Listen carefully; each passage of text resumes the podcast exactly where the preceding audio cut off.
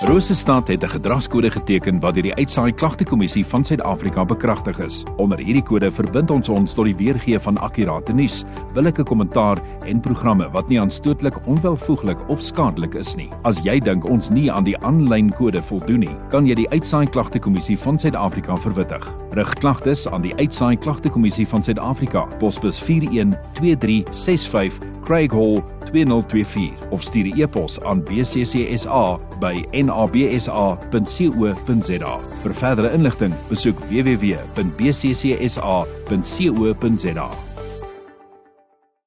op 100.6 FM. Loop ek op nou so 29 minute voor 9.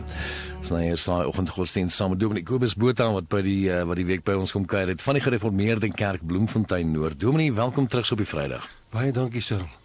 Ehm um, kom ons kyk so 'n bietjie ehm um, ons kom nou uh, by uh, kom ons by die einde van die van uh, Ja. die week se se Ja. reeks uit. Ons is nou ons sal vanmôre lees 1 Johannes 4. Ons het nou die heel week stil gestaan by 1 Johannes nog vanmôre vir oulaas die bekende uitspraak wat Johannes sê God is liefde. Ons gaan 'n bietjie daarna kyk in 1 Johannes 4 vers 7 tot 9. As jy ook wil gaan terugluister na die reeks, dan kan jy ook gaan loer daar op ons webwerf op rosestad.co.za. Die potgoeie is daar. U het geroep en ek sal luister. U het die laaste sê oor my. U hou my lewe in u hande. In u is waar my vrede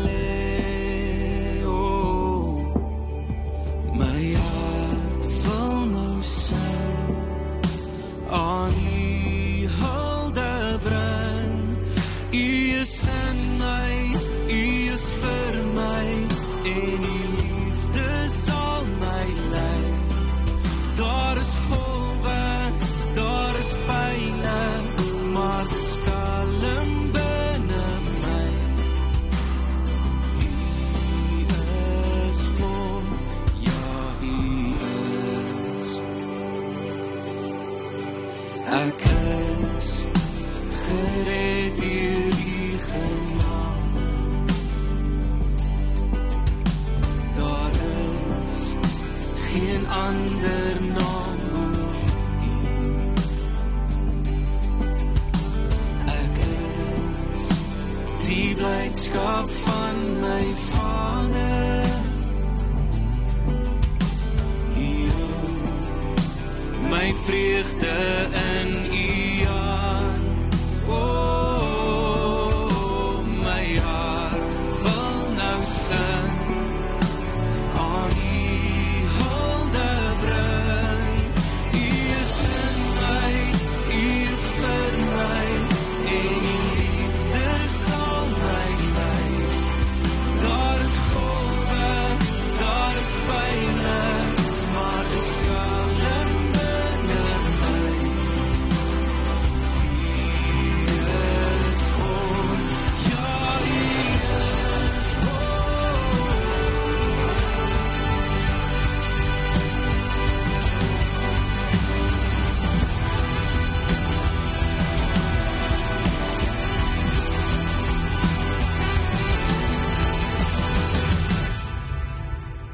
My hart wil nou sing. U is in my, u is vir my en u liefde sal my lei. Daar is golwe, daar is pyle, maar dis kalm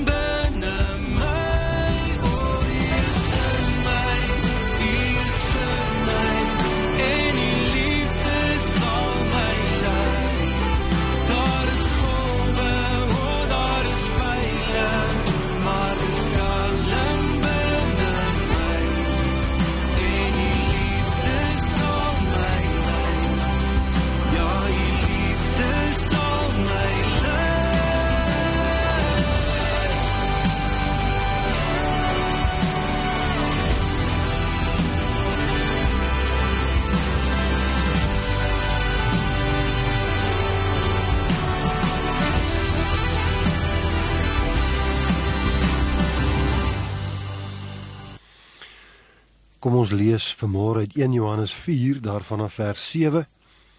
Geliefdes, ons moet mekaar lief hê. Want liefde kom van God en elkeen wat liefhet, is 'n kind van God en ken God. Wie nie liefhet nie, het geen kennis van God nie, want God is liefde. Hierin is God se liefde vir ons geopenbaar. Sy enigste seun het hy na die wêreld toe gestuur sodat ons deur hom die lewe kan hê. God is liefde. Dis seker een van die mees gekonsentreerde sinne in die Bybel. Net 3 woorde wat so oneindig baie sê. In hierdie 3 woorde lê die geheim van die sin van die lewe. Die verlossing van die wêreld is hierin opgesluit. Dit bevat die vreugde van ons bestaan. Dit is die boodskap van die hele Bybel. God is liefde. Dis natuurlik ook 'n gewaagde sinnetjie. Want kan 'n mens hoe genaamd 'n is gelykaanteken plaas tussen God en enigiets anders? Kan daar is gelyk kan staan tussen die naam van God en enige ander selfstandige naamwoord? Bely ons nie juis dat God onvergelyklik is nie? Sou dit nie veiliger gewees het om maar net te sê God is God nie? Ja, God is onvergelyklik. Maar Johannes moet ons onthou, hy skryf onder leiding van die Heilige Gees. En so sê hy ook op ander plekke, God is Gees.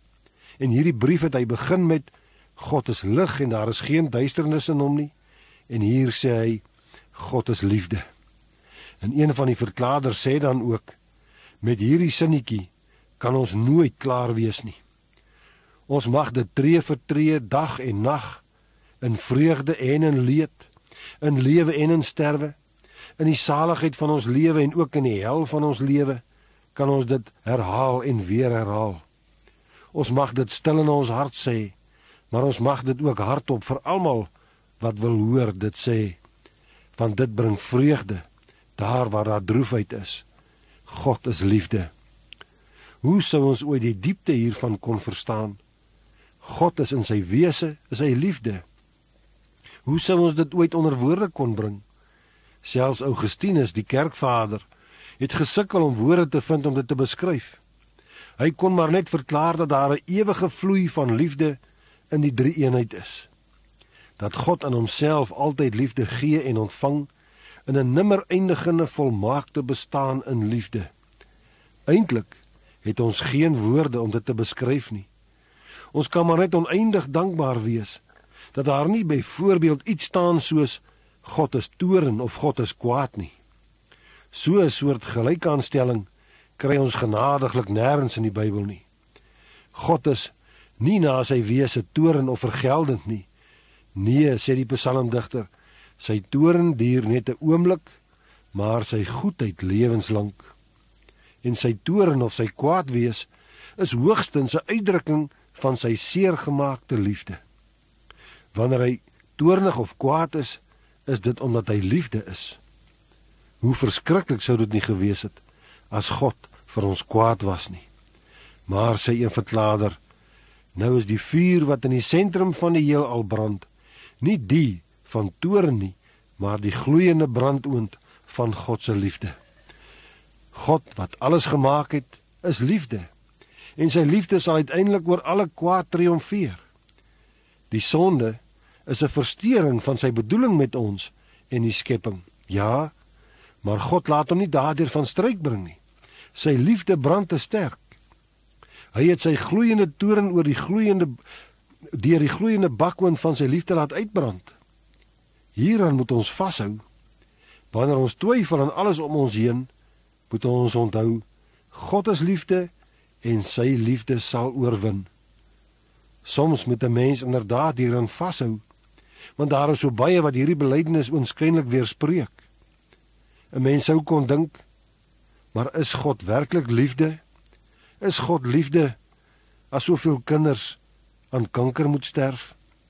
Is God liefde as vrouens en kinders in konsentrasiekampe moet sterf? Met al die ellende in die wêreld, kan ons regtig sê dat God liefde is? Ja, ons kan maar dan anders as wat ons dit verstaan. Want God se liefde is van die begin af verkeerd verstaan. Johannes skryf hy's hierdie brief teen die dwaalleraars wat beweer het dat God se liefde ver bo hierdie wêreld verhewe is. Hulle, die dwaalleraars het gesê Christus was nooit werklik 'n mens nie. Hy het nie werklik gelei nie. Hulle het gesê die liefde is maar net 'n teorie waaroor jy kan praat en waarna jy kan streef, maar wat nie veel te sê het vir die ellende van hierdie wêreld nie. Nee, sê Johannes, die liefde van God is nie 'n idee of 'n teorie nie, dis geskiedenis. God se liefde is geopenbaar in ons Here Jesus Christus. God het nie engele gestuur om die boosheid in hierdie wêreld te kom platvee nie. Nee, God het sy eie seun gestuur. Christus het sy goddelike heerlikheid vir 'n tyd lank neergelê. Hy het aan ons mense gelyk geword. Hy het die gestalte van 'n slaaf aangeneem en sy lewe vir ons neergelê. Hy het sy plek in die Vaderhuis prysgegee om vir ons 'n plek te verwerf. Bo kan die kruis op Golgotha kon daar net sowel gestaan het God is liefde.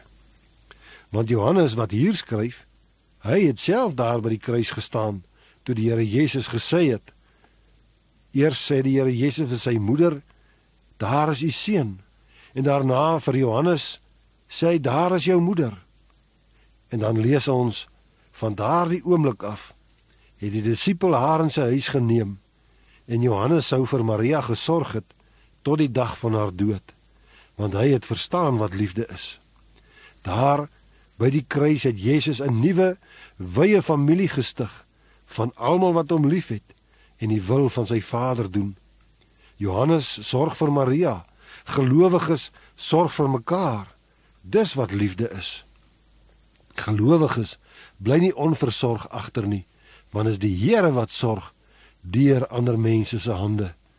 En net so verwag die Here van ons om in liefde na mekaar om te sien, liggaamlik en geestelik vir mekaar te versorg met liefde wat dien.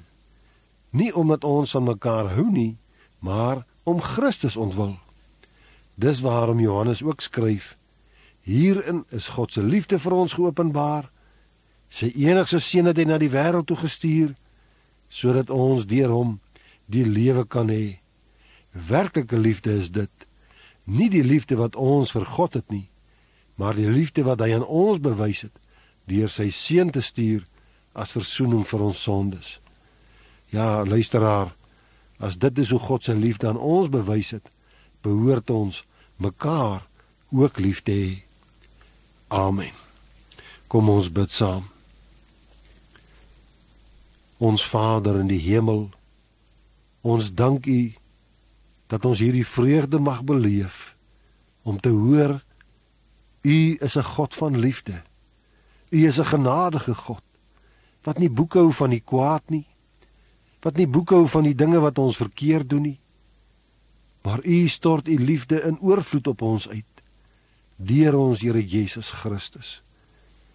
En ons bid U dat U ons juis deur U liefde sal verander, dat ons ook in die wêreld u liefde sal bewys aan elkeen wat oor ons pad kom. Dit bid ons in die naam van ons Here Jesus Christus. Amen.